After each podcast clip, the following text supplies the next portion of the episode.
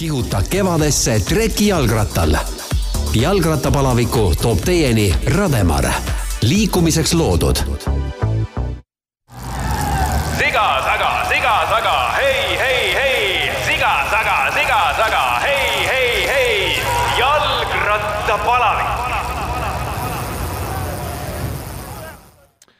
Tere, head jalgrattapalaviku podcasti kuulajad. täna on kolmeteistkümnes mai, kui see saade eetrisse läheb ja ma loodan väga, et on ilus päikesepaisteline päev. saab nädala keskel minna jalgrattaga sõitma, kes peale tööd, kes äh, juba varem, kellel on võib-olla graafik vähe teistsugune, aga hakkab soojemaks minema ja see on peamine et meil Eestimaal siin aprilli teine pool oli väga jahe, ega see mai alguski pole siin midagi lõbusat olnud, aga täna on meil külaline soojast Hispaaniast või õigemini tegelikult ikkagi meie, meie enda, äh, enda tubli tegija vaatab lootusrikkalt tegelikult äh, suurte tiitlivõistluste poole, olümpiamängude poole, aga me sellest jõuame saates rääkida. Nende olümpiamängudega on natukene pahasti praegu, aga mine tea, äkki laheneb ikkagi sportlaste jaoks kõik ilusti ära. meil on jalgrattapalaviku podcasti ajalooline saade sellepärast et esimest korda on meil täna külaliseks naisterahvas. ka see viga on nüüd parandatud, et on aega võtnud, aga tere tulemast, Janika Lõiv. tervitused ja ma tänan kutsumast ja kuna ma olen ise väga suur jalgrattapalaviku fänn, siis ma olen äh, väga õnnelik, et ma saan lõpuks ometi siin küla, külaline olla. Rõõm kuulda. ma saan aru, et sa oled siis tegelikult olnud kõik see aasta algus kuni siiamaani põhimõtteliselt äh, Eestist ära? ma tulin Hispaaniasse juba oktoobrikuus ja niimoodi juba kolmandat aastat siis järjest. ja alustan iga kord siis oma hooaega juba siin äh, ja jaanuaris siis võistlen juba tavaliselt Hispaanias ja Eestisse tavaliselt tagasi lähen äh, alles mai, juuni, juulikuus. no ütleme nendele inimestele, kes võib-olla ei ole jalgrattaspordiga väga sina peal, kui ma loodan, et ka selliseid inimesi on Jalgrattapalaviku podcasti kuulamas, et äh, Janika on siis tegelikult edulugu äh, spordi mõistes kindlasti, et äh, sa oled paari viimase aastaga ikkagi tõusnud täiesti maailma eliiti, kui nii võiks öelda, et sa oled maailma, noh, julgelt võib öelda top viisteist 15 Äh, maastikusõitja, jutt on siis äh, maastikuratta olümpiakrossi distsipliinist. Ähm, aga sa oled jõudnud jalgrattaspordi juurde tegelikult ju ikkagi läbi teiste spordialade, mitte otse, mitte otse nii-öelda jalgrattasporti sa ei läinud, aga tegid enne kergejõustikku ja siis kuidagi jõudsid jalgrattaspordi juurde? jah, ma alustasin äh, spordi tegemist umbes põhikoolis või seal põhikooli lõpupoole, kui minu isa juhendamisel äh, ma tegin vist väga palju erinevaid alasid, et see kergejõustik sai äh, nii-öelda viimaseks, et tegelikult ma tegin pallimänge väga palju erinevaid ja jalgpall on mu lemmikspordiala et aga kesk, keskkoolist ma siis alustasin tõsiselt jooksutreeningutega, et tegin kesk- ja pikamajooksu ja mu lemmikdistants oli takistusjooks ma vaatasin, et sa oled osalenud ka võistlustel sada kilomeetrit, kus on vaja järjest olnud joosta sada kilomeetrit. ja see on vist, äh, ma arvan, kõige hilisem niisugune vahetult enne seda, kui ma jooksja karjääri lõpetasin, siis ma tegin niisuguse hulluse, mis sai alguse minu abikaasa välja käidud ideest, et Haanjas tehakse esimest korda saja kilomeetri jooks või kõnd, siis kuidas äh, keegi iga, igaüks tahtis ise seda läbida. ja siis äh, mina muidugi olin kohe selline väga entusiastlik selle osas, et jaa, läheme teeme ja mul tuli ka isa sinna kaasa, kes siis kolmekesi pidime jooksma. ema oli ergutaja seal ja aitas äh, toit, toitude ja muude asjadega seal, kuigi seal oli organisatoorselt ka väga kihvt ja kõik oli väga äge nagu üritus ja siis äh, lõpuks siis äh, mina olin ainus, kes selle sada kilomeetrit lõpetas. Äh, minu isa äkki jooksis midagi, mõlemad, nii minu abikaasa kui, kui ka mu isa jooksid kuskil viiskümmend kilomeetrit. et ma olin siis ainus, kes selle sada läbis, et see oli niisugune üpriski keeruline ja raske, aga ütleme nii, et mul kaheksakümmend kilomeetrit läks väga hästi, aga siis viimased kakskümmend kilomeetrit oli selline piin no ütleme nii julgelt, et see, see on trikk, mida igaüks äh, läbi ei tee, aga siis sada kilomeetrit ütleme ratta seljas, see on ju nohu siis selle kõrval, et sada kilomeetrit joosta. Äh, nojah, selles mõttes, et ajaliselt võtab see oluliselt vähem aega, aga nii võib öelda, et tegelikult mina selliseid sajakilomeetrisi otsi teen ikkagi väga vähe, et, et ma pigem, võib-olla minu treeningud on umbes kaheksakümmend, seitsekümmend, kaheksakümmend kilomeetrit, et, et ma üle kolme tunni tavaliselt on, on, siis on juba nagu niisugune pikem ja vastupidavust äh, nii-öelda hooaja algul arendame, et siis ma teen pikemalt, et aga üldiselt on mul ikkagi lühemad treeningud. Aga miks siis ikkagi kergejõustikust üleminek jalgrattasporti, ma siin, kui me omavahel kirjutasime selle saate eel, siis ma natukene tõin võrdluseks eh, Grete Treieri lugu, kes eh, ka jõudis eh, tegelikult jalgrattaspordis ikkagi väga kaugele, aga tuli ka kergejõustikust ja minu meelest temal hakkasid seal mingid vigastused segama, et kas, kas sinuga on samasugune lugu? ja ma täpselt ei ole Grete lugu kuulnud või noh, neid detaile, aga eks, äh, eks see natukene sarnane on, et äh, ma tegin äh, jooksmist siis algul oma isa juhendamisel, seejärel, kui ma Tallinnasse kolisin, siis ma tegin Audenteses Maile Magnussoni juhendamisel. Ja aastal kaks tuhat kümme oli mul hüppeliigese vigastus, kuna ma ei saanud välismaale laagrisse minna, siis ma jooksin sisehallis terve talve ja ei käinud ka väljas jooksmas, sest et lund oli tol aastal väga palju ja ma lihtsalt äh, jooksin omal ühe vasaku jala hüppeliigese nii haigeks, et ei olnud võimalik äh, enam joosta. ja siis, äh, kuna mul abikaasa nägi, et ma olen selline hull sporditegija, et ma lihtsalt nagu kogu aeg ei suutnud nagu paigal püsida, et siis ta otsustas, et, et äkki ma mõtleks jalgratas osta, et siis ma saan vähemalt midagi teha ja nii me siis ostsime esimese jalgratta Sigvard Kuke juurest ja pigem tegelikult selle eesmärgiga, et lihtsalt äh,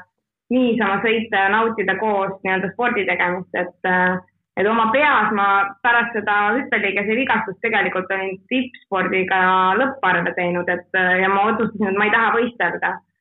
et aga mõne aja pärast suutis mul abikaasa ikka mind ära rääkida ja ma läksin temaga kolmapäevakuid sõitma ja esimene siis rattavõistlus oli mul kaks tuhat kaksteist aastal Jõulumäe rattamaraton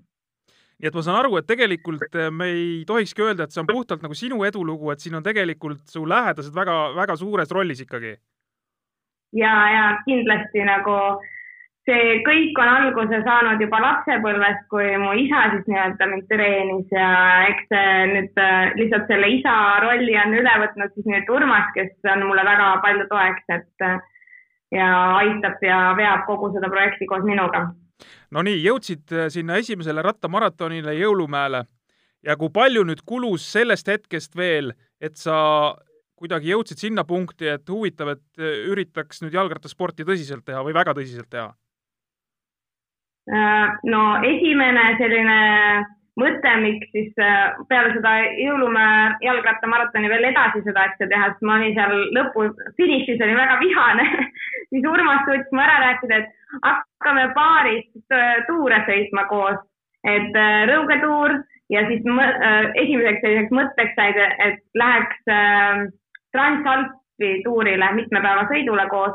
milleks me siis treenima hakkasime Äh, ja ma tegin hästi palju Eesti võistlusi siis, aga sellele võistlusele ma pole siiamaani läinud et ja siis suurem muutus, muutuste aasta oli arvatavasti kaks tuhat viisteist. Sellest aastast vist võib terve raamatu kirjutada, kirjutada, et kuidas kaks kontoritöötajat hakkasid siis X-jood sõitma et äh, meie esimene võistlus Urmasega oli Rakvere Eesti meistrivõistlused X-joos ja me käisime seda ka varem läbi sõitmas, mõlemad äh, esimest korda, kui me sinna rajale läksime, kukkusime mõlemad, mina näoga vastu maad ja tema kukkus raami puruks.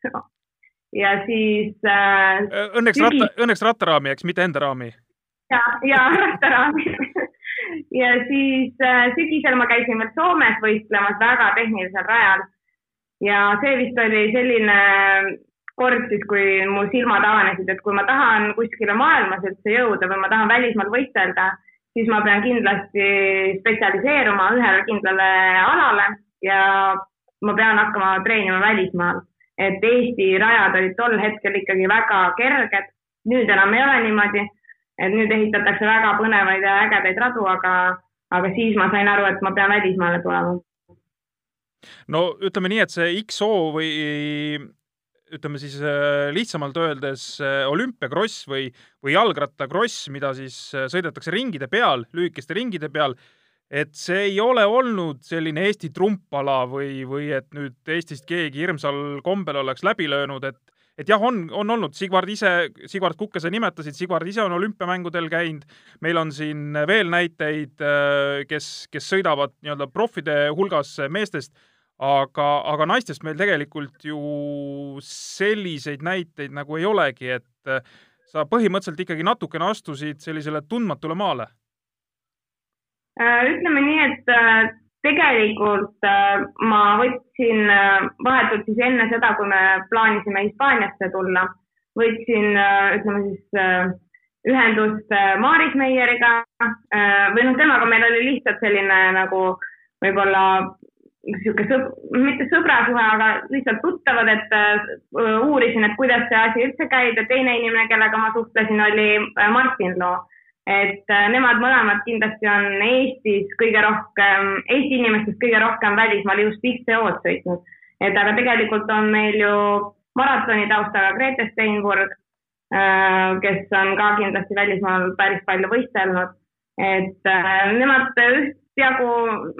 teist teadsid ja rääkisid mulle, aga ütleme, et äh, päris suurelt on see ise avastamine olnud ja kõikide nende ämbrite läbikäimine, et,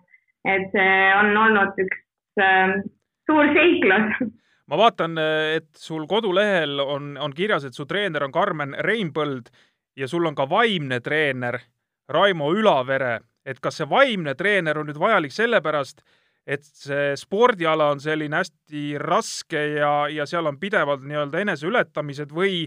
või see on hoopis ohtlik, et seda nii-öelda vaimset tuge on vaja või hoopis midagi kolmandat? No kui me hakkame minema, et esimesena ma sain jah, kahe tuhande kuueteistkümnendal aastal tuttavaks Karmeniga ja ma esimese hooga ei arvanud, et ta üldse tahab minuga koostööd teha. Sellepärast, et äh, ma olin tol hetkel Eesti kuues äh, Eesti meistrivõistlustel ja mul ei olnud äh, sellist tausta, et, et kohe oleks näidata mingeid tulemusi või midagi, et ja ma olin täiesti tundmatu nimi ja kuna tema treenis Liisi äh, Risti, tol, tol ajal oli Rist, et äh, ja Martin Loot, siis ma arvasin, et noh, et ta ütleb kindlasti ei. aga kuidagi ma suutsin ta ära rääkida ja läbi siis Karmeni ma sain äh, Raimo kontakti, et äh, ja seda küsitakse mul täna väga-väga tihti, et miks sul vaimset treenerit vaja on. et kas sul on midagi viga, aga tegelikult ei ole mitte midagi viga. Äh, lihtsalt tol aastal, see oligi kaks tuhat kuusteist, me rääkisime Karmenile minu plaanist, et ma tahan olümpiale jõuda ja selleks me peame tegema kõik sada protsenti nii, et, et ma sinna jõuaksin ja me peame andma endast maksimumi et äh, ma olen nõus pühenduma need neli aastat äh, täielikult jalgrattaspordile ja et äh, me siis kõik koos mõtlesime kolmekesi, et,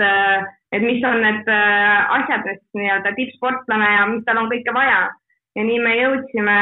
selleni, et, et kui sa soovid oma keha treenida ja saad seda teha, siis samamoodi saad sa treenida oma aju ja miks mitte nagu treenida aju, kui see on võimalik. et äh, et võistlustel oleneb kõik nagu sellest äh, täna vaimsest tugevusest rohkem, sest et äh, füüsilised võimed on viidud äh, kõigil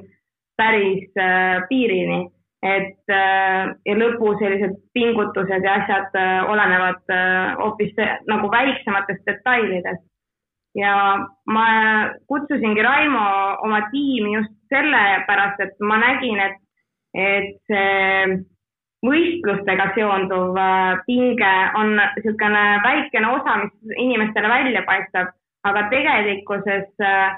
palju suuremat rolli mängib igapäevane elu ja selles nii-öelda toimetulek ehk siis äh, stress. äh, treeningutes maksimumi andmine äh,, kõik selline, mis nagu ma igapäevaselt pean äh, nagu hakkama saama, et ma võistleksin siis nagu väga hästi. ja seda osa tavainimesed ei näe ja seda nagu arvatakse, et vaimset treenerit on kuidagi võistluse jaoks nagu peamiselt vaja, tegelikult on sul vaja seda nagu suuresti, et enne võistlust, et treenida oma aju ja enne võistlust, et toime siis tulla oma igapäevase äh, stressiga siis. no, no vahest öeldakse või no mis vahest, ütleme niimoodi, et öeldakse ka, et äh, tegelikult ju äh, sportlane muutub enesekindlaks siis, kui tulemused tulevad. et siis justkui nagu ei olegi ju kedagi kõrvale vaja, et kui sa tunned, et sa oled äh, tugev, et siis, siis ongi kõik nagu hästi. et just siis, kui midagi ei klapi, et siis oleks sellist äh, tuge vaja, aga tegelikult sinult, äh, ma saan aru, on ikkagi see sõnum, et, et see vaimne selline äh, julgustus või, või tugi tegelikult võiks ikkagi kogu aeg olla. jah, et äh, mulle alati meeldib tuua näiteks äh, Yolanda Neffi, et Yolanda Neffi on ka on tegemist siis maailma tipuga, kes, keda peetakse üheks kõige osavamaks naisratturiks tehniliselt ja tema on ka oma ühes videos öelnud, et, et tegelikkuses on meil seda nii-öelda vaimu vaja treenida igapäevaselt, mitte nagu võistluste jaoks just, vaid nagu igapäevases äh, elus, et, et see oleks nagu kogu aeg olemas, et, et äh, selleks ei pea olema nii-öelda, nii nagu me omame füüsilist või nagu, et mul on Karmen, kes äh, teeb mulle plaani, et mu füüsiline pool oleks äh, tugev, nii on vaja, et keegi teeks plaani, et mu vaimne pool oleks tugev ja et me suudaksime maksimumi anda kogu siis nii-öelda nii vaimu kui füüsilise poole pealt. Äh, ma saan, ma saan aru, et sa olid üllatunud, et Karmen sind nii-öelda jutule võttis või, või nõustus koostööd tegema, aga praegu sinuga vesteldes äh, ma ausalt öeldes isegi ei imesta selle üle, sellepärast et ma kujutan ette, et kui sa läksid äh, säravate silmadega Karmeni juurde, ütlesid, et ma tahan jõuda nelja aasta pärast olümpiamängudele ja võib-olla siis isegi, ma ei kujuta ette, ütlesid, et ma tahan seal olümpiamängudel ka top kümnes olla, ega tal muud üle ei jäänudki, et ta tahtis ikkagi ära kontrollida, et äh, mida see heas mõttes hull naisterahvas teha suudab. ja sellega on veel jah, üks põnev lugu, et tegelikult ma algul kirjutasin talle ja me pool aastat ei näinud, et me, ma kirjutasin talle kevadel ja siis äh, alles sügisel kohtusime näost näkku. Ja sügisel ma sellest plaanist talle rääkisin ja ausalt öeldes äh, oli ta ta oli väga viisakas, aga eks ta ei tahtnud öelda, et, et, et see on ulmeline, et äh, mis nalja te teete siin, et aga, aga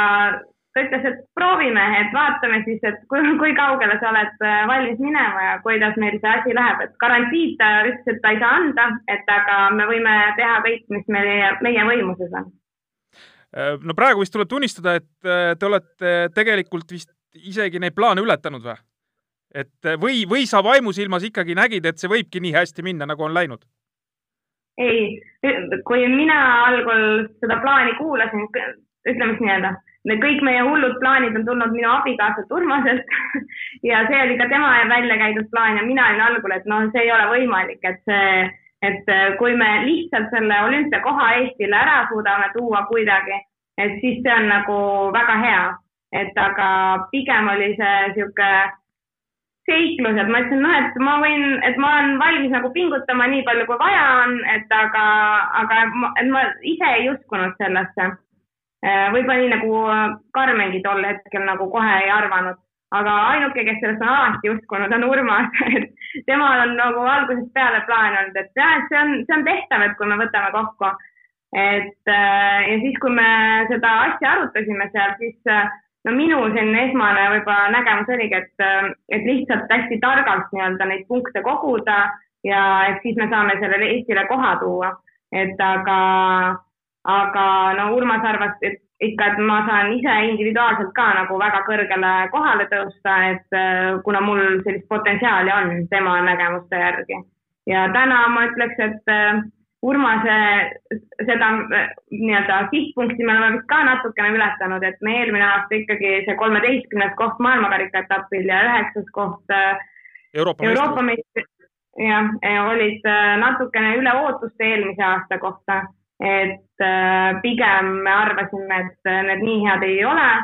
aga nüüd on ainult, ainuke võimalus veel juurde panna ja edasi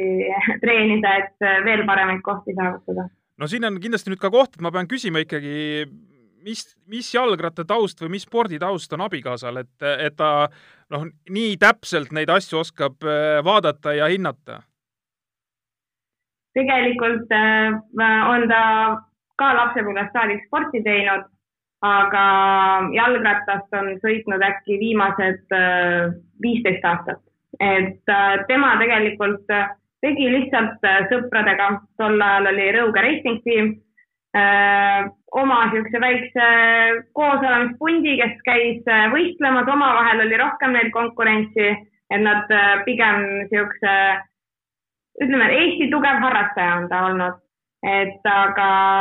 aga rohkem tal ei olegi sellist äh, ütleme siis sporditausta, et ta ei ole võistelnud äh, väga kõvade kohtade peale Eestis mitte ühelgi spordialal. Pigem on tal selline,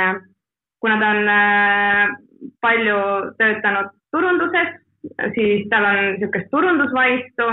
ja tal on projektijuhtimisvaistu, ehk siis tema ongi selle projekti, ütleme siis eestvedaja, et tal äh, pigem võib-olla mind vaadates tekkis lihtsalt algul see, et ma olen selline, hullult tahtsin sporti lihtsalt teha, et, et ja talle me, nagu tunduski, et võib-olla on see potentsiaal kasutamata, et kui ma olen nagu nii teotahet täis, et, et prooviks. Ei, absoluutselt, tundub, et tal on igas mõttes õigus olnud, et seal see potentsiaal oli olemas ja ja need kõige suuremad võistlused, ma usun, on sinu jaoks äh, nii-öelda tulemuste mõistes alles, alles ees, et äh, kas see olümpiakoht nüüd on juba olemas või tegelikult veel päris ei ole olemas, kuidas sellega nüüd on, see koroona on siin asjad kõik sassi löönud. ma ausalt öelda päris täpselt seda hetkeolukorda ei adugi, kas see, kas see koht nüüd, kas need asjad pandi kuidagi lukku juba või ei pandud veel? no hetkel on kõik äh, külmutatud ja selle viimase tulemuse järgi on Eesti äh, minu teada üheksateistkümnendal kohal, kakskümmend üks riiki saavad äh, ja need kahe aasta kogutud punktid on siis siin arvesse läinud ja loodetavasti ei, ei pikendata siis seda kvalifikatsiooniperioodi, aga, aga ma ei oleks üldse imestanud, imestunud, kui äh, nad pikendaksid ikka seda näiteks, et uuel aastal on äh, kuu või kaks veel kogutakse punkte, sest et paljudel riikidel jäi ju nüüd sellest aastast põhimõtteliselt aprilli ja maikuu punktid nagu saamata. et äh, eks seda on nagu kuulda siis ajapikku, et, et kas nad pikendavad või siis jääb see seis selline sellisel juhul on meil olümpiakoht olemas. no siis pigem äh, ei hakka siin midagi riskima, et äh, las ta jääda nii, nagu on, et äh, et siin spordis ei tea, ei tea kunagi, et et eks neid võistlusi ju tehakse ka, et äh, mõni riik saab neid rohkem seal korraldada ja, ja sealt võib-olla ka rohkem punkte näpistada, aga aga noh, nii või naa, et äh, loodame, et see koht meile, äh, meile jääb, et olümpiaga on selline ka täbarseis, et nüüd on nad edasi lükatud järgmisse aastasse ja praegu noh, tuleb isegi signaal, et mine tea, kas see olümpia toimub või ei toimu. et kas see teeb kuidagi noh, mitte närviliseks, aga kuidagi sellise halva tunde annab sisse ka, et pagan, kõik see, ma ei tea, ma olen mitu aastat siin selle nimel ju tegelikult pingutanud ja nüüd eh, selline paha lugu. nojah, selles mõttes võib öelda, et selleks aastaks olid mul jah, tõesti suured plaanid et ja mul hooaja algus sujus väga kenasti. et äh, aga noh, see koroona teema on olnud ju kõigi jaoks äh, selline ootamatu ja ilmselt ei ole ta ainult minu plaane pea peale keeranud. et äh, kõigil on äh, ilmselt selline seis, et mis saab ja kuidas edasi ja et äh, aga ütleme nii, et mul kestis selline segadusperiood umbes kaks nädalat siin Hispaanias ja eelkõige oli ta segane sellepärast, et meid ei lastud üldse välja, et kasvõi trenni minna või niisama nautida rattasõitu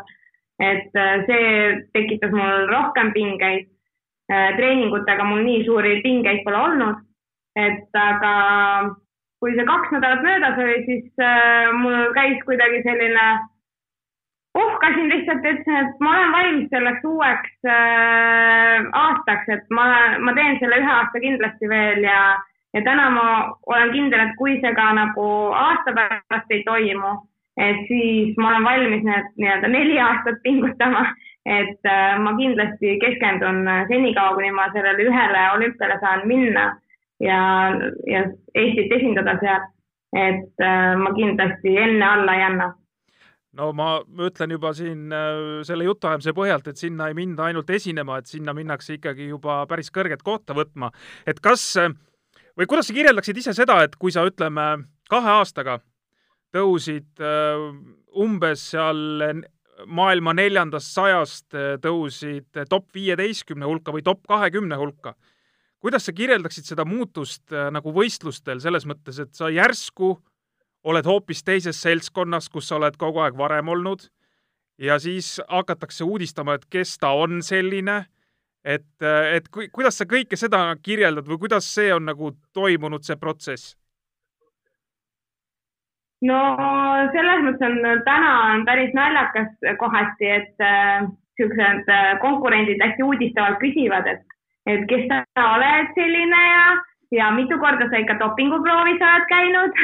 ja et äh, nagu saad aru, et, äh, et inimesed tegelikult minu tausta ei tea. et ma olen nii palju. no sa oled ikkagi, sa oled ikkagi tulnud nende jaoks natukene mujalt, kõrvalt, et äh, nad on harjunud võib-olla nägema kogu aeg oma konkurente juba juunioride klassist peale ja nii edasi, eks? just, et, äh, et eks ma selline üllataja olen ja, ja aga ma arvan, et, äh, et see on tulnud nagu kõik sellise targa sihikindla tööga, et, et see ei ole olnud äh, kuidagi mingisugune joppamine või et ma oleksin ülim talent. see lihtsalt on selline,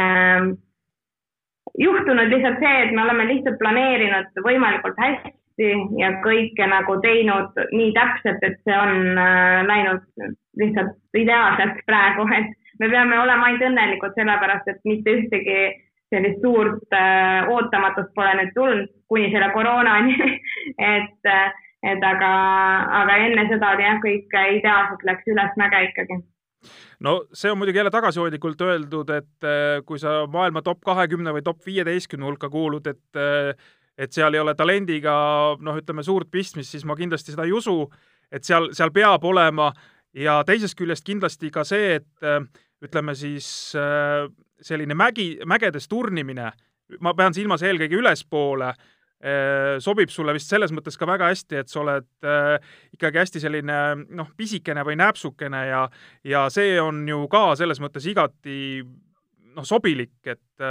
et seal midagi ei ole teha, et füüsika selles mõttes täiesti ju maksab, et et no kui mina peaksin nagu mäest üles ronima, siis oi kui vaevaliselt see mul läheks. jah, selles mõttes kindlasti see, ütleme siis minu kehakaal ja minu see, et ma olen nii pisikene, on mul eeliseks, aga samas niisugustel äh, natukene lihtsamatel radadel arvatavasti ma jällegi kaotan äh, sellistele võimsamatele tüdrukutele, et et lõppkokkuvõttes XCO nõuab seda, et sa oleksid hästi mitmekülgne, et äh, ei piisa ainult äh, heast määronimisoskusest või või väga suurest power'ist. et äh, peamine on see, et sul oleks kõigest äh, nagu selline väga hea level, aga mitte, sa ei pea olema mitte millegist nagu maailmatasemel, et, et siin hästi hea näide ongi äh, Prevo, kes on siis hetkel maailmameister, kannab maailmameistri särki ja tema ei saaks öelda, kui kõrvalt vaatad rajal, et ta oleks mingis elemendis teistest nagu peajagu üle et äh, aga ta on äh, kõiges väga hea lihtsalt. et äh, ja nii, nii ma arvan seda, et minul on ka võib-olla läinud sellega, et ma olen lapsepõlves nii palju erinevaid spordialasid teinud, siis on lihtsalt juhtunud see, et, et ma olen nagu sellesse kõik need asjad nii kiiresti selgeks suutnud õppida ja ma olengi väga mitmekülgne, ma arvan, et see on, see on selle edu üks võti olnud mis on olnud jalgrattaspordi juures sinu jaoks kõige raskem? kas, äh, kas mõne, ma ei tea, tehnilise elemendi omandamine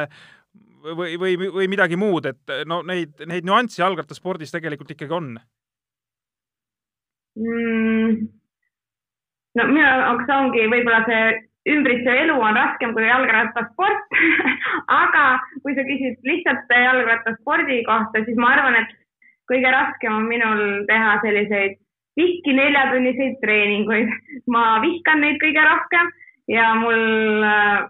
kuidagi võib-olla see vaim ei pea vastu sellele nii hästi, et äh, no muidugi see on alati, oleneb tempost on ju, võid ju neli-viis tundi tiksuda, aga minu jaoks tundub see selline et see oleks nagu maha visatud, et see ei ole nagu trenni tegemine, et lihtsalt väntan siin ja sellepärast juba Karmen teab ette, et tema ei pane mulle üldiselt selliseid monotoonseid äh, treeninguid, pigem on mul alati midagi, kui ma teen kolmetunnise trenni, siis alati seal sees on mingid siuksed maasikad, et mis äh, nagu pakuvad rahuldust ka siis minu vaimsele poolele, et, et ma ei peaks nagu lihtsalt niisama rahulikult sõitma, et võib-olla sellepärast see XO on nagu väga hea ala minu jaoks, et see on nagu niisugune vaheldusrikas ka, et, et ma võib-olla ei ole nii püsiv. ütle nüüd, mis see mõni maasikas on, et eh, see tähendab mingisugust lõiku või kiirendust või mis see tähendab? jah, see on, eh, enamasti on lõik, aga see ei pruugi olla üldse eh, nii-öelda raske selles mõttes, et sa pead väga palju power'it panema või võimsust sinna rattasse, vaid näiteks minu üks treening, mida ma nii-öelda naljaga pooleks ütlen, ma vihkan, on äh, viie minuti kadentsi kiirendused ja siis äh, peadki lihtsalt kadentsi väga kiirelt üleval hoidma ja tavaliselt need on pikkade treeningute sees ja siis äh, see on väga raske. Et seal pulss ei lähe üles, võimsus ei lähe ülesse, aga sa pead lihtsalt mõtlema jalgade tööle kogu aeg ja see on niisugune nagu, mis paneb selle aju ka samal ajal tööle siis ma pean muidugi sulle ütlema nende pikkade treeningute koha pealt, et äh, julgustuseks pean ütlema, et äh, Aavo Pikkus on, olümpiavõitja Aavo Pikkus siis on öelnud, et ega ta omal ajal ei teinud üksinda pikemaid trenne väga kui kaheksakümmend kilomeetrit ehk siis noh, umbes kaks tundi. pikad trennid ta tegi kõik ära suure grupiga treeninglaagrites, et kui ta üksi pidi kusagile minema, siis ta väga ei viitsinud rohkem sõita kui kaheksakümmend kilomeetrit. no vot, mina treenin kogu aeg üksinda äh, või noh, ma ei saa öelda täiesti üksinda, minu abikaasa sõidab selja taga kogu aeg kaasa, nii palju, kui ta jõuab. et aga, aga mina pean kogu aeg vedama siis, et äh, kuna mul on power meeter ja me jälgime neid numbreid, et siis äh, pigem on lihtsam üksi sõita, aga jah, pikad treeningud on lihtsam teha teistega koos, et siis on vähemalt midagi nagu vahepeal rääkida või kuidagi nagu mõtled, mõtted saavad mujal käia, jah, seda küll ma saan aru, et sa oled nüüd viimastel aastatel olnud hästi pikalt siis eh, no jämedalt oktoobrist kuni mingi kevadperioodini välja Hispaanias soojas, et sa, kas sa mäletad üldse, mis see talv tähendab, Eestimaa talv või seda sa enam ei mäleta? väga hästi enam väga hästi enam ei mäleta. et äh, viimati ma tegelikult isegi vist sain äh, sellist äh, jahedat ilma kuskil Tšehhis, oli kas neli kraadi aga mul ei ole isegi äh, talveriideid, et äh, sellepärast on väga raske sinna Eestisse ilmselt tagasi tulla. Ja mul on ainult ühed pikad püksid ja tavaliselt ma käingi nii-öelda siis suveriietega, et peal on lihtsalt vest ja, ja võib-olla leiab kodust mingisuguse jaki, et, et sellepärast äh, ei olegi tahtnud väga Eestisse tulla aga ma saan aru, et sportlikus plaanis eh, on see pikk äraolek tegelikult ennast ikkagi õigustanud, et see, see kliima, need treeningvõimalused ja see kõik on ikkagi väga, väga selge pluss. jah, selles mõttes ei saa öelda üldse Need, kes peavad eh, kogu talve Eestis treenima, kindlasti mul on nende ees eelis, et, eh, et mul see piirkond ka veel, kus mina elan, Almeerias, on äh, kõige kuivem piirkond Hispaanias ja põhimõtteliselt vajab siin võib-olla aastas, ma ei tea, kolm-neli päeva. Et, äh, et üldiselt on siin kuiv ja ma saan iga hommik äh, minna trenni täpselt niimoodi, et ma tean, et ma saan selle treeningu teha ja mul ei ole mitte mingisuguseid takistusi siin, et lisaks nagu see, et kuna me oleme siin kahekesi enamus ajast, et siis ma olen kogu selle aja nii-öelda fokusseeritud äh, treeningutele ja ma ei käi kuskil, ma ei tea, suguvõsaga või sõpradega väljas. et, äh, et ma ainult nagu keskendun spordi tegemisele, et, see on kindlasti väga suur eelis siin elada. kas nii-öelda, kui kogu aeg keskenduda spordi tegemisele, et kas vahepeal kuidagi nüristab ära ka, et on selliseid hetki ka, et et no nüüd aitab, et selles mõttes nüüd, nüüd, nüüd tuleb teha, ma ei tea, nädal pausi või kaks nädalat pausi? Äh, tegelikult ei ole, hetkel on ilmselt kogu see protsess nii põnev olnud, et ja meil on äh, kõrvalt teeme veel tööd, et sellepärast äh, ma, ütleme siis vaba aega ei ole, kui mõelda, et nüüd tahaks nagu rahulikult midagi teha, et äh, siis on kohe täidetud see tööga ja pigem on trenni minemine selline päeva kõige lihtsam osa ja see, mida ma ootan. Et äh, ülejäänud elu siin kõrval on oluliselt keerulisem ma nüüd läheks natukene spekulatiivsetele radadele, ütleme, et kõik läheb äh, Tokyo olümpiamängudega selles plaanis hästi, et äh, järgmine aasta saavad need ära peetud, äh, tuleb ka hea tulemus,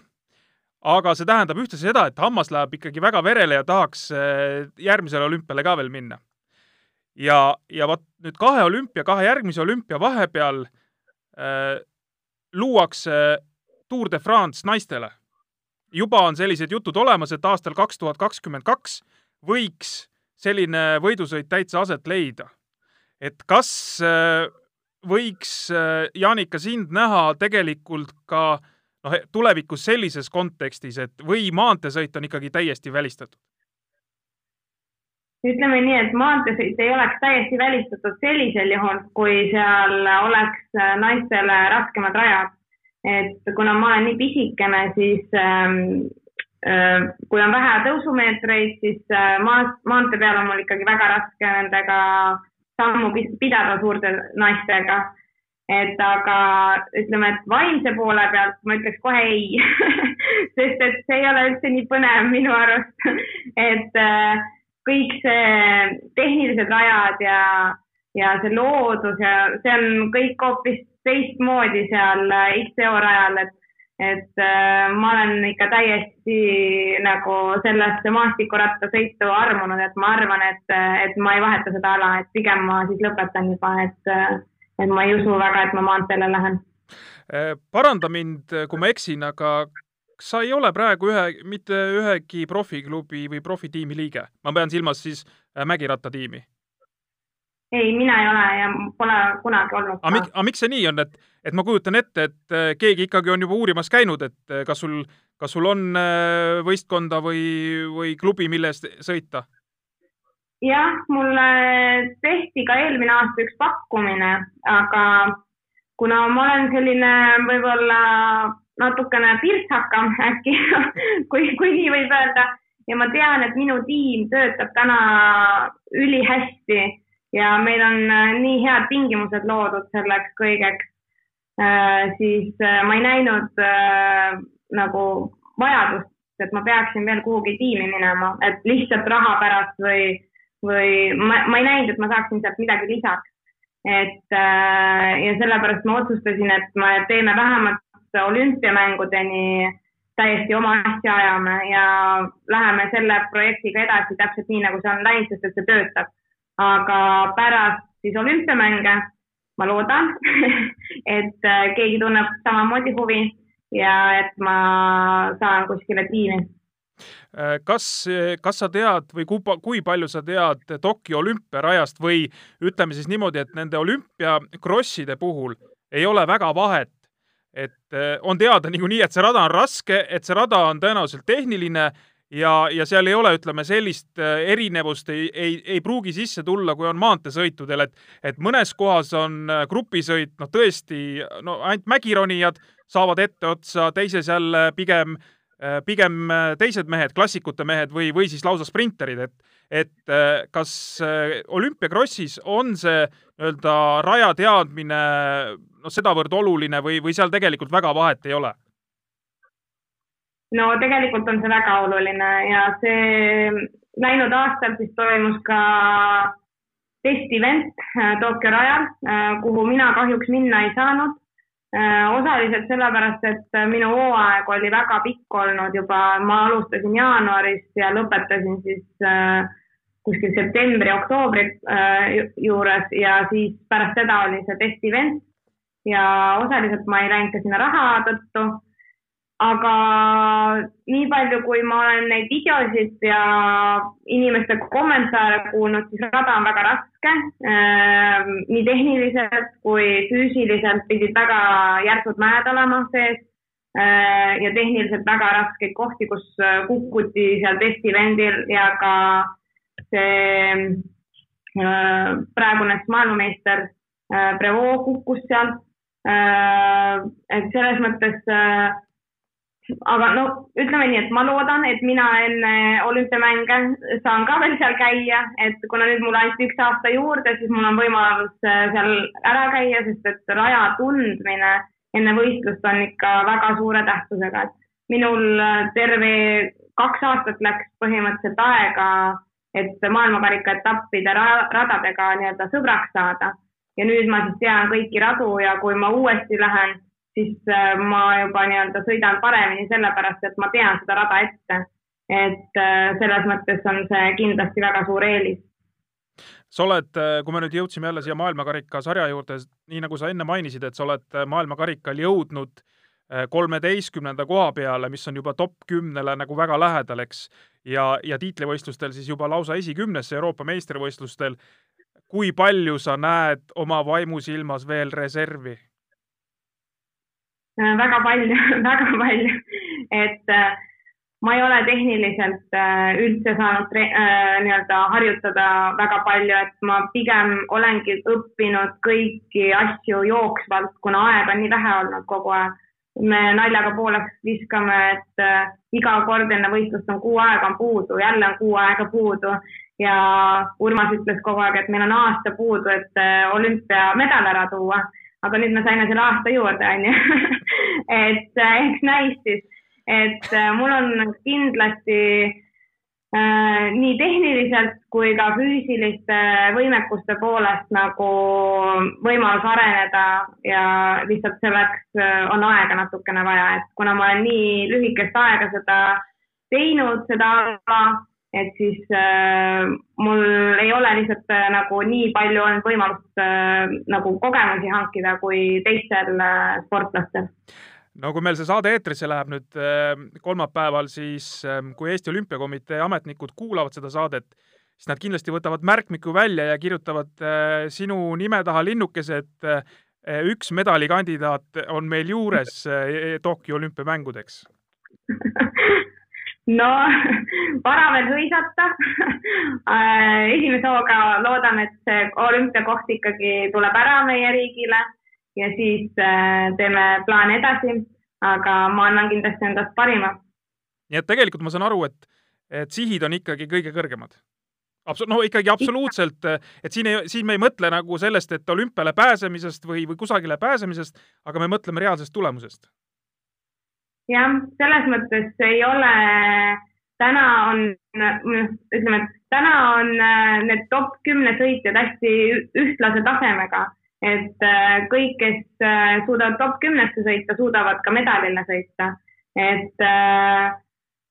ma arvan, et, äh, et mul on olemas need äh, võimalused medal tuua. ma pean lihtsalt kõik, nii nagu praeguseni on kõik õigesti läinud, siis ma ja nagu hästi sujunud, samamoodi peab see aasta sujuma ja siis ei ole mitte ühtegi nagu niisugust ulmelist asja. kuigi aastaid tagasi, kui ma seda projekti alustasin, siis, siis see tundus kõiki väga ulmeline et aga täna ma arvan, enam ei ole see nii ulme mida see praegune hooaeg siis võiks veel kaasa tuua, et äh, ma saan aru, seda võistluskalendrit ei ole, aga no mingil hetkel ta tõenäoliselt ikkagi tuleb, vaadates, kuidas on siin maantee peal asjad käinud, et äh, mingisugused esialgsed kavad on tehtud, me loomulikult ei tea, kuidas see viirus äh, nii-öelda edasi käitub siin ja, ja kas need asjad lõpuks ka toimuma saavad, aga aga ma saan aru, et ikkagi mingil hetkel peaks tulema teil ka nüüd see uus võistluskava jah, äh, ma loodan küll väga sügavalt, et nad äh, ikkagi meile ka see aasta veel mõne võistluse korraldavad.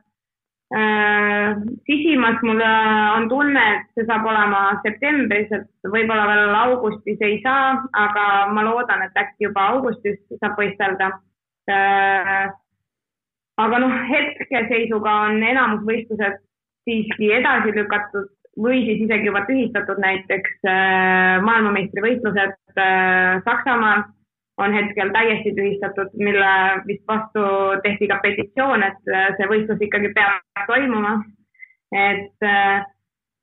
et ma arvan, et, äh, et midagi saab, mõne võistluse saab see aasta veel teha, et aga väga palju ilmselt mitte, aga kuna minu plaanid on seotud siiski olümpiaga, siis hetkel veel need minu siis plaane ei sega, et ma saan äh, kõikide treeningutega ja erinevate äh, asjade arendamisega tegeleda senikaua, mis mul on puuduseks. Ja siis äh, tuleval aastal ma loodan ikka, et olümpiamängud toimuvad. kui siis nad ei toimu, siis ilmselt on minu plaanid natukene sassis et aga senikaua tuleb lihtsalt trenni teha ja, ja arendada ennast järjest paremaks. kas sind on võimalik näha võistlemas ka Eestis äh, mõne, mõndadel sõitudel või, või sa Eestis ikkagi stardid väga vähe? Äh, no nüüd ma viimased kaks aastat vist juba ei ole ühtegi starti Eestis teinud. sel aastal mul esialgu oli küll plaan tulla, sest et Eestis äh, korraldati, taheti korraldada uus A-kategooriaga võistlust. See pidi toimuma vist üheksas mai äkki, mis peaks olema siis see nädalavahetus kuna seda ei toimu, siis arvatavasti mind Eestis ei näe stardis. Äh, aga kunagi ei või öelda mitte iial, et, et kui toimub mingeid kohalikke sõite ja need minu treeningkavasse sobivad, siis ma kindlasti võtan osa. aga, aga eelkõige ma lähtun ikkagi oma treeningutest, et äh, kui ma Eestisse tulen, siis arvatavasti hakkan ma pikemaid treeninguid jälle tegema Äh, ja siis äh, eks siis on näha, kas äh, minu võistlusgraafikusse sobivad need. kindlasti, kui peaks toimuma Eesti meistrivõistlused, siis seal ma olen stardis, aga ülejäänud teistel võistlustel pigem mitte. no loodame, et Eesti meistrivõistlused toimuvad, ükskõik mis kuus nad siis nii-öelda tehakse ja tegelikult ma julgustan äh, sind äh, sellise, kuidas ma ütlen siis, äh, rattaspordisõbrana, et tule mingi kord ikkagi Tartu rattamaratoni starti ka näiteks, et, et see on selline võistlus, mis on olnud Euroopa meistrivõistlusteks. Ja, ja ma usun, et esiteks sa saad ise seal laheda kogemuse ja teiseks äh, kui sa oled siin juba kõik need järgnevatel aastatel neid igasuguseid tulemusi, vahvaid tulemusi ka saanud, et äh, siis kindlasti rattasõpradel oleks uhke tunne sinuga koos seal stardis ka olla, ma arvan.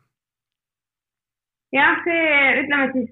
äh, fännidega oleks tore küll kokku saada, et äh, mulle küll päris paljud räägivad, et oi, kui tore on sind Instagramis jälgida ja, ja see on üks põhjus, miks ma tahaksin väga Eestisse tulla, et, et kui karantiini ja koroonat ei oleks, et siis äh, saaks võib-olla teha ägedaid treeninguid koos ja käia kõiki neid XTO radu läbi sõitmas ja, ja näha lihtsalt seda kohalikku rattamaastikku rohkem, et, äh, et äh, kes seal kõik sõidavad ja kindlasti ka kõik sõbrad, kes ratast sõidavad, et neid näha. et võistlused on omaette teema, et kuna Eesti maratonid on pigem sellised kiired ja lihtsamad, et lauged, et siis siis ilmselt on mul väga vähe šanssi seal võita. et aga eks see nagu emotsiooni pärast oleks kindlasti äge ka seal stardis olla, oota, mul jäi küsimata vist enne, et äh, sa ütlesid korra, kui sa selle esimese võistluse tegid seal Pärnus,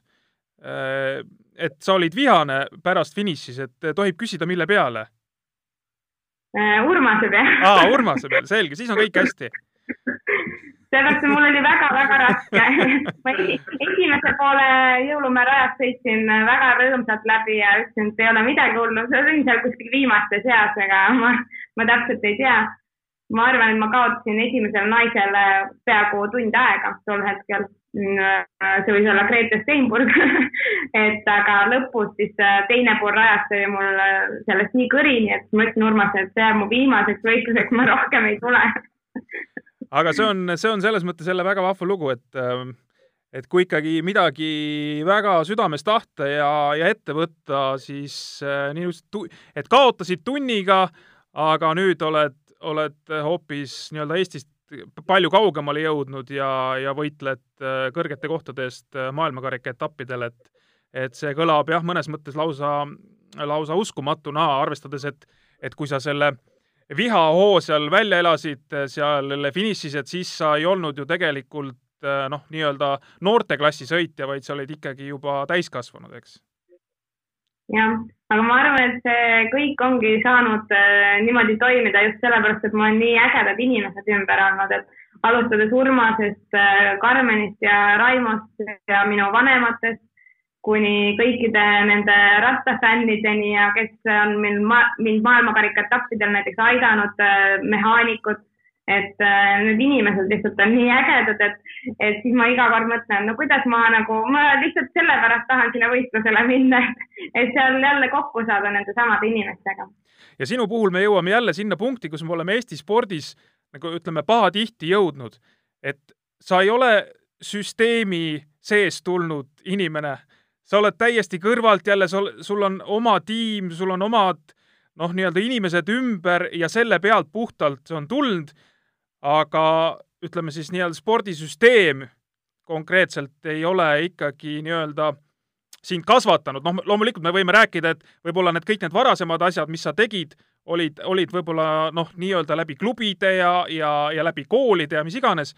aga jah, rattaspordist rääkides siis süsteemiväline täiesti jah, et äh, see oli meil algselt ka plaan, et, et me teeme täiesti seda projekti oma võimalustega, oma tiimiga, et me ei, kuna mul, ma alustasin nii hilja, siis mingeid sponsoreid või nagu kellegi, ma ei tea, Jalgrattaliiduga ühendust võtta, et, et me ei arvanud, et me peaksime kellelgi mingit abi saama, et et kogu see mõte oligi, et me teeme oma asja kohe algusest peale ja ja nii on kõige lihtsam ja kõige täpsem see asi ja me saame seda ajada täpselt nii, nagu me ise tahame seda teha ja ma arvan, et see ongi see üks edu võti olnud, et, et me ei ole pidanud arvestama nii-öelda mingi süsteemiga, vaid me oleme saanud selle süsteemi ise luua enda ümber. igal juhul tuult tiibadesse nii sulle kui eh, sinu tiimile ja ma ei tea, kas praegu siis äh, tuleks soovida kõige rohkem teile seda, et äh, Poola piir äh, lahti läheks ja te saaks hakata kodu poole tulema? ja see, see oleks väga hea soov, et mul juba ema ootab, et ma koju tuleksin ja, ja kõik sõbrad ootavad, et, et ja mina saaksin kindlasti sellist vaimset vaheldust, et kui koju tulla ja ma loodan, et ilmad on väga ilusad Eestis, et saab väljas sõita et, äh, et see oleks küll hea soov. Just, seda me soovime ja, ja tead, nende Tokyo olümpiamängudega on nüüd nii, et kui vahepeal tundus, et ah tühja kah, kas nad toimuvad või ei toimu, siis pärast tänast vestlust ausalt öelda mul oleks juba kahju, kui need äh, olümpiamängud ära jääks, et äh, oleks äh, suure huviga midagi oodata. Ma ka ikka usun, et nad toimuvad, et, et see peab ikka olema väga keeruline olukord, et ma arvan, et on maailmas ka muud asjad äh, natukene keerulisemaks muutunud, et kui olümpiamänge enam ei toimu, et äh, aga noh, siis ootame järgmiseid olümpiamänge, kuigi Tokyo oli mul väga suur äh, nagu unistus, et sinna just minna ja, ja praegu olles kolmekümne aastane, sellised ilusad numbrid kõik, et, et äh, aga kindlasti järgmised olümpiamängud tulevad ka ägedad, nii et on, mida oodata aitäh, Janika, selle vestluse eest. aitäh ka kõikidele kuulajatele. meil ei ole seda jalgrattapalaviku podcasti sellel kevadel väga palju jäänud, et me teeme maikuu lõpuni, siis tuleb väike paus sisse ja vaatame sügisel edasi. aga mõned saated tulevad kindlasti veel. nii et äh, kohtume veel maikuus ja juba siis äh, täpselt nädala aja pärast. aitäh teile ja, ja nägemiseni, kuulmiseni kihuta kevadesse treki jalgrattal. jalgrattapalaviku toob teieni Rademar, liikumiseks loodud. siga taga, siga taga,